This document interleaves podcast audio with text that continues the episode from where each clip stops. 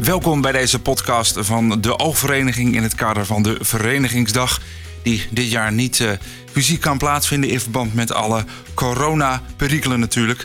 Daarom uh, doen we dat uh, in de vorm van een podcast. En in deze podcast ga ik praten met Luc-Jan Boon, de directeur van de Oogvereniging. Luc-Jan, welkom. Sinds het begin van 2020 uh, directeur van de Oogvereniging. En tot nu toe kunnen we rustig zeggen, het is een bewogen jaar. Ja, het is natuurlijk voor iedereen vreemd. Hè? Dat, corona, covid bepaalt natuurlijk heel erg hoe we met elkaar omgaan. het heeft wel veel meer effect voor onze leden en onze doelgroep dan voor onszelf als bureau. Dus wij kunnen eigenlijk heel veel digitaal doen, zoals we dit ook digitaal doen. Maar voor heel veel mensen in het dagelijks leven is, beperkt natuurlijk hun mogelijkheden. Ja, want eventjes naar uh, jullie bureau dan? Hoeveel mensen werken daar en hoe onderhouden jullie dan goed contact met elkaar? Oké, nee, we zijn ongeveer met 14 mensen op kantoor. En uh, we hebben gelukkig laptops. En we hebben onze documenten in de cloud, heet dat. Dus we kunnen ze ook thuis gewoon bekijken en e-mailen en bij al, al, onze bestanden. En we hebben een koffiemomentje met teams één keer in de week. En één keer in de maand gaan we in een ruimte dicht bij ons die groter is dan wij in ons eigen kantoor hebben, kunnen we met z'n allen op anderhalve meter afstand in ieder geval ook nog als team samen dingen bespreken. Ja, want hoe belangrijk is dat? Nou, dat is gewoon, ja, dat merk je aan iedereen natuurlijk in corona. Je moet elkaar ook uh, live kunnen zien. Zeker omdat we een aantal nieuwe medewerkers hebben ook dit jaar. Maar ook gewoon, je hebt een hele andere dynamiek als je natuurlijk met elkaar dingen kan doorspreken. Dan dat je alleen maar via een, uh, een scherm elkaar, met elkaar contact hebt. Ja, nou we praten we in deze podcast over de ambities van de oogvereniging voor nu en in de nabije toekomst? En hoe ver heeft corona daar direct invloed op gehad? Nou, niet zoveel eigenlijk. Dat is de ironie. Dat zeg, voor ons bureau hebben we gewoon projecten uit kunnen voeren die we wilden uitvoeren.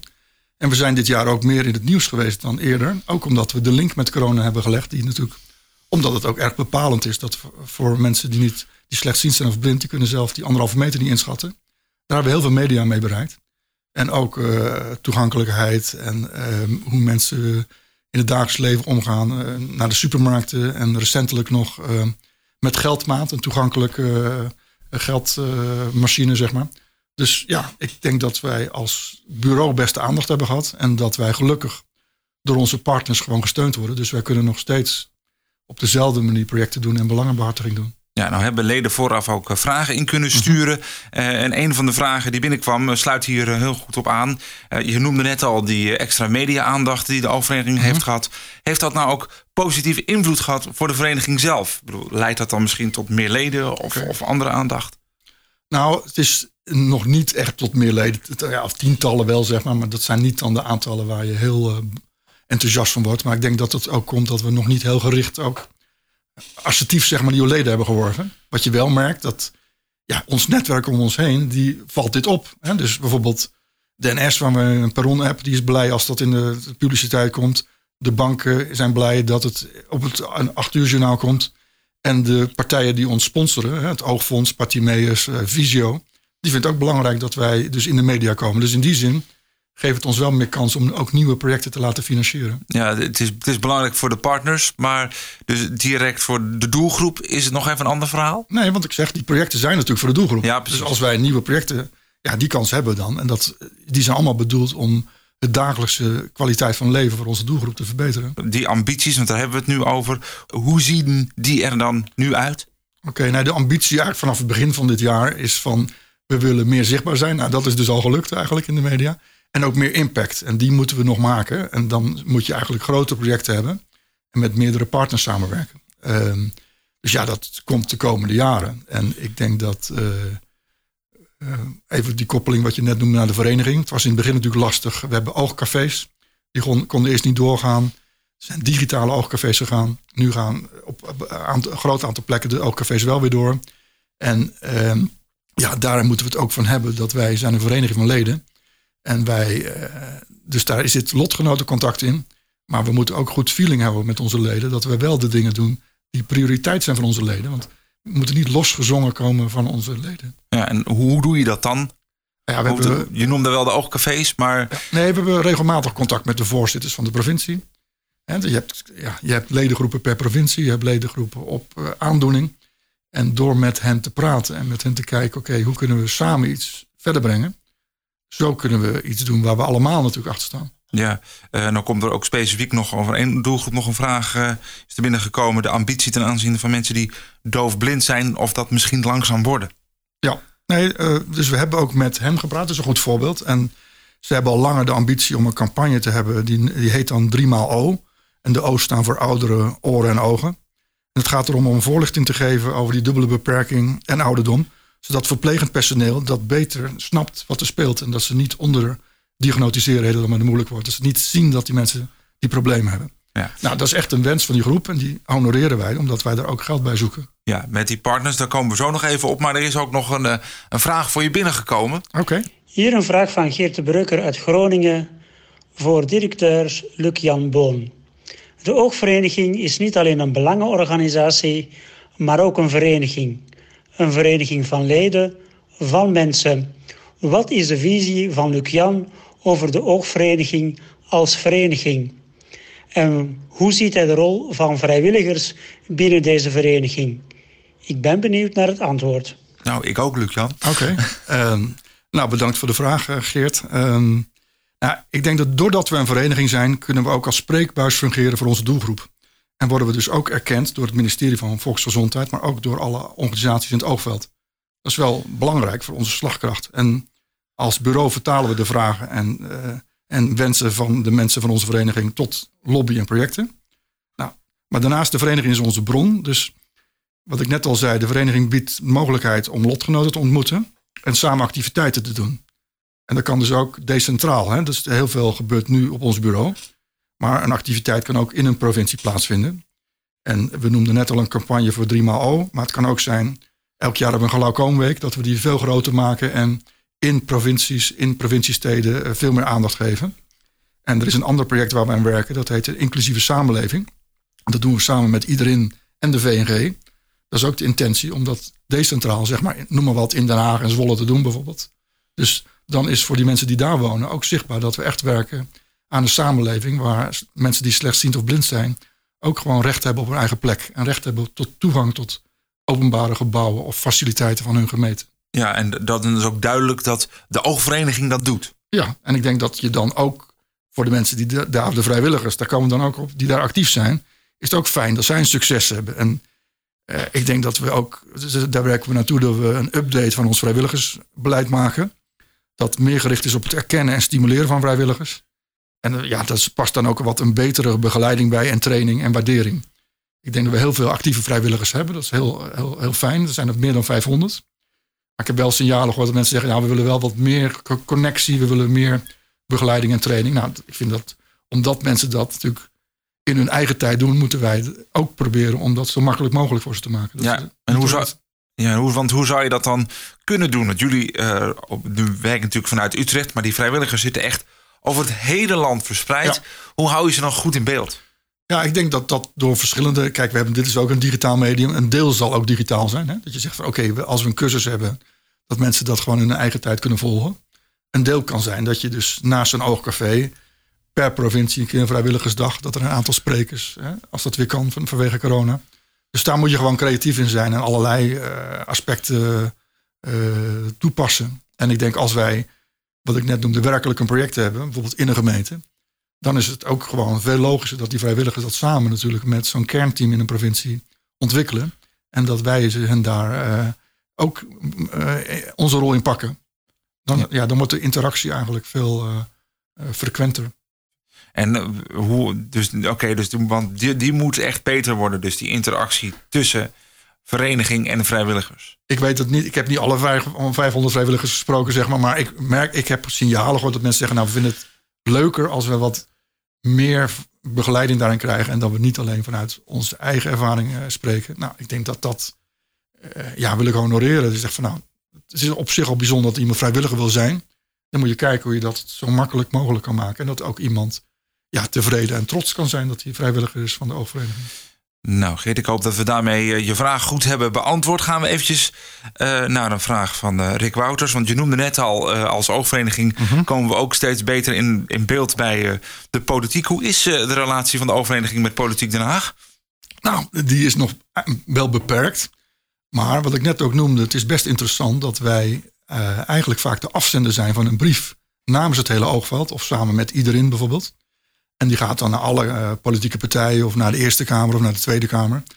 En dan is de afzender de oogvereniging. En dat bedoelde ik ook met spreekbuis. En naar aanleiding van die brieven hebben we wat contacten met enkele partijen gehad. Maar dat kunnen we nog uitbreiden. En dan moeten we inderdaad bijvoorbeeld juist met... Ja, Rick is de voorzitter van uh, de kernteam van Zuid-Holland. We afspreken, oké, eh, we moeten vaker ook met fractiespecialisten van de partij praten. En dan niet alleen maar dat we nu, nu zeg maar antwoord hebben, maar hun ook voorlichten wat het betekent om slechtziend of blind te zijn in Nederland.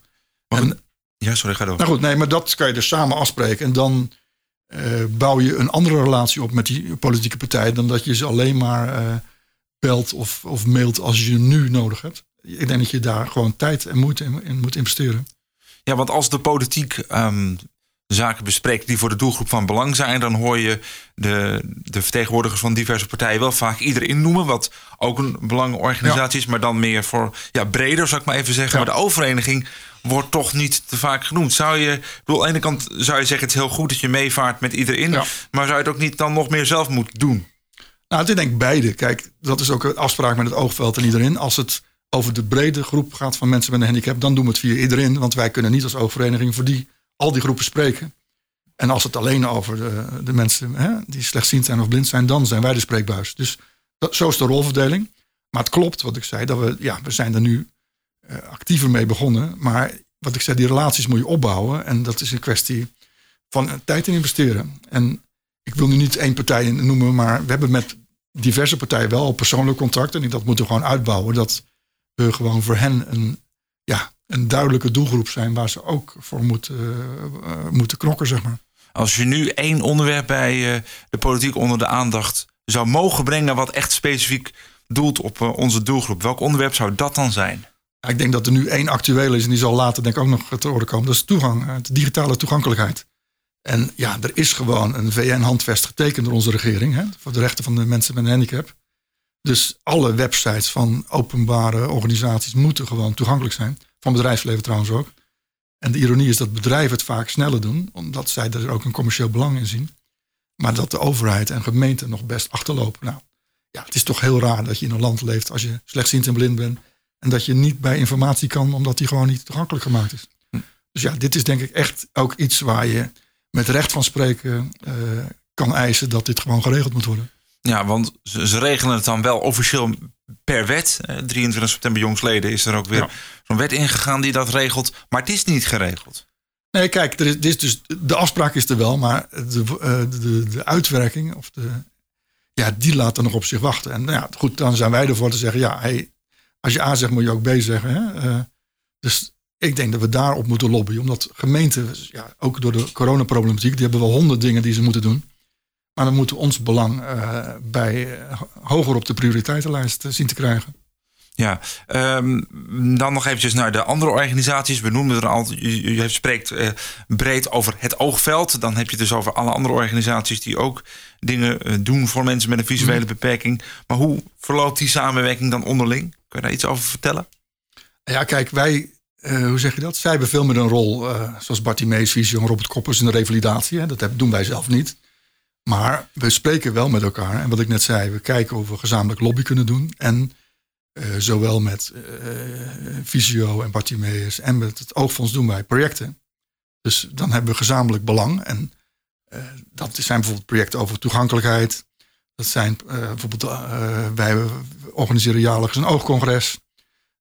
dat zijn projecten met de banken. Die worden gefinancierd door partijen om ons heen. Uh, en dat is wel belangrijk. Dat geeft ons de slagkracht die we zonder die partners niet zouden hebben. Maar hebben jullie ook niet een rol uh, vanuit de doelgroep naar die partners toe? Om bijvoorbeeld te kijken of zij hun werk goed doen voor die doelgroep? Oké, okay, nee, maar goed, dat kan. Maar dan moeten wij wel die signalen helder horen. Dus het is, uh, hoe zeg je dat? Om maar één voorbeeld te geven, maar dat is dan voorbij dit. Maar het is wel zo'n voorbeeld. We hebben een project gehad, uh, dat heet De Juiste Zorg op de Juiste Plaats hebben dus een overeenkomst kunnen regelen tussen de oogartsen en optometristen en de verzekeraars. Nou, dat heeft jaren geduurd. Dus hè, als je, mensen denken, wanneer gebeurt er wat? Maar zo'n overleg duurt jaren. Maar het is dus wel gelukt. En daardoor hopen we de wachtlijsten in de oogzorg in te korten. Nou, dat zijn dingen, dat is best een, een mooi succes dat de oogvereniging behaalt heeft. Met die partners natuurlijk. En als zoiets ook speelt, hè, wat jij suggereert, als dan we heel veel signalen krijgen, hey, de revalidatie is niet goed geregeld, of uh, worden niet goed doorverwezen, of, of, hè, dan kunnen we reageren. Maar we, we, gaan, ja, hoe zeg je dat? We moeten wel aanleiding hebben natuurlijk. Nee, oké, maar kun je reageren aan de ene kant en soms ook geld ontvangen aan de andere kant? Nou, het voordeel is dat wij best een stevige organisatie zijn. Dus we staan, zijn niet uh, zo afhankelijk dat we niet een mening durven geven. En het contact is ook in die mate zo dat we ook wederzijds elkaar feedback geven. Dus nee, daar ben ik niet bang voor. Oké, dus die, die, die mogelijkheden uh, zijn er. Want dat zou natuurlijk een beetje uh, moeilijk, moeilijk, moeilijkheden kunnen geven, eventueel. Zou ik... Nee, maar kijk, dat is denk ik. Mensen kunnen het ook op onze website zien. We zijn niet afhankelijk van één partij. Dus we hebben het over diverse partijen. Dus ja, op deze manier, zeg maar, zou het ook raar zijn. En gelukkig is dat niet zo. Hè, dat we als belangenbehartiger uh, overgeleverd zijn aan één partij. En dat we dus alleen de mening van die partij zouden moeten verkondigen. Nee, precies. Dus dat, dat speelt niet. Dat speelt niet. Nou ja, dat is, uh, dat is goed. Want uh, jullie zijn ook uh, bezig, begreep ik, met kijken of je op andere manier nog samen kunt werken. Bijvoorbeeld met het Oogfonds. Ja, ja het zou ook logisch zijn, omdat ze, ja, het Oogfonds is ook voor dezelfde doelgroep. En we zitten ook in een verkenningsproces met hen om meer dingen met hen te doen. Ik noemde net ook het Oogcongres, dat doen we met het Oogfonds. Ze betalen ook deels mee aan onze ooglijn. Maar bijvoorbeeld uh, op campagnes of informatievoorziening zouden we ook dingen samen kunnen doen. Maar daar zijn we over in gesprek nu. Ja, hoe belangrijk zijn uh, de leden voor de oogvereniging? Niet alleen omdat je zegt, ja, daar krijg je contributie voor, dat snap ik, want mhm. dan kun je je werk doen. Maar uh, zijn er nog andere waarom juist die leden zo belangrijk zijn en dat jullie ook echt een, een vereniging zijn? -hmm. Nou, ik denk dat als wij bijvoorbeeld een, ik zeg maar wat, een NGO of een technisch bureau waren die zeggen, nou, wij vinden dit belangrijk. En dan hadden we nog wel die projecten kunnen doen, maar hadden we niet dezezelfde stem gehad die wij nu hebben. En dus, wat ik zei, bij het ministerie van Volksgezondheid, ook bij UWV, als we praten over werk, dan zijn we de spreekbuis voor onze doelgroep. Dat is één. En het tweede is natuurlijk, ja, doordat de leden zich met elkaar verbonden hebben, uh, Eén, eh, kunnen ze natuurlijk lotgenotencontact, kunnen ze informatie uitwisselen. Dat doen we natuurlijk ook heel veel met de ooglijn en onze bladen.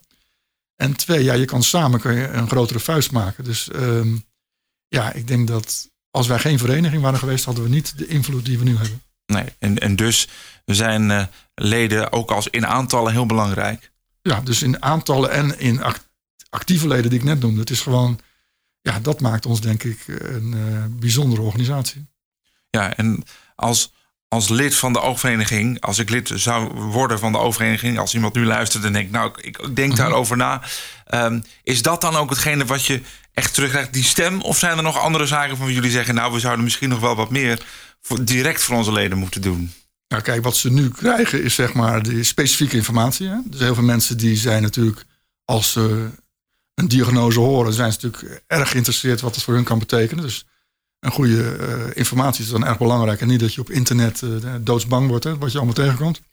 Het tweede is de ooglijn die we hebben. Dat je ook gewoon een levend persoon aan de lijn krijgt die je advies kan geven.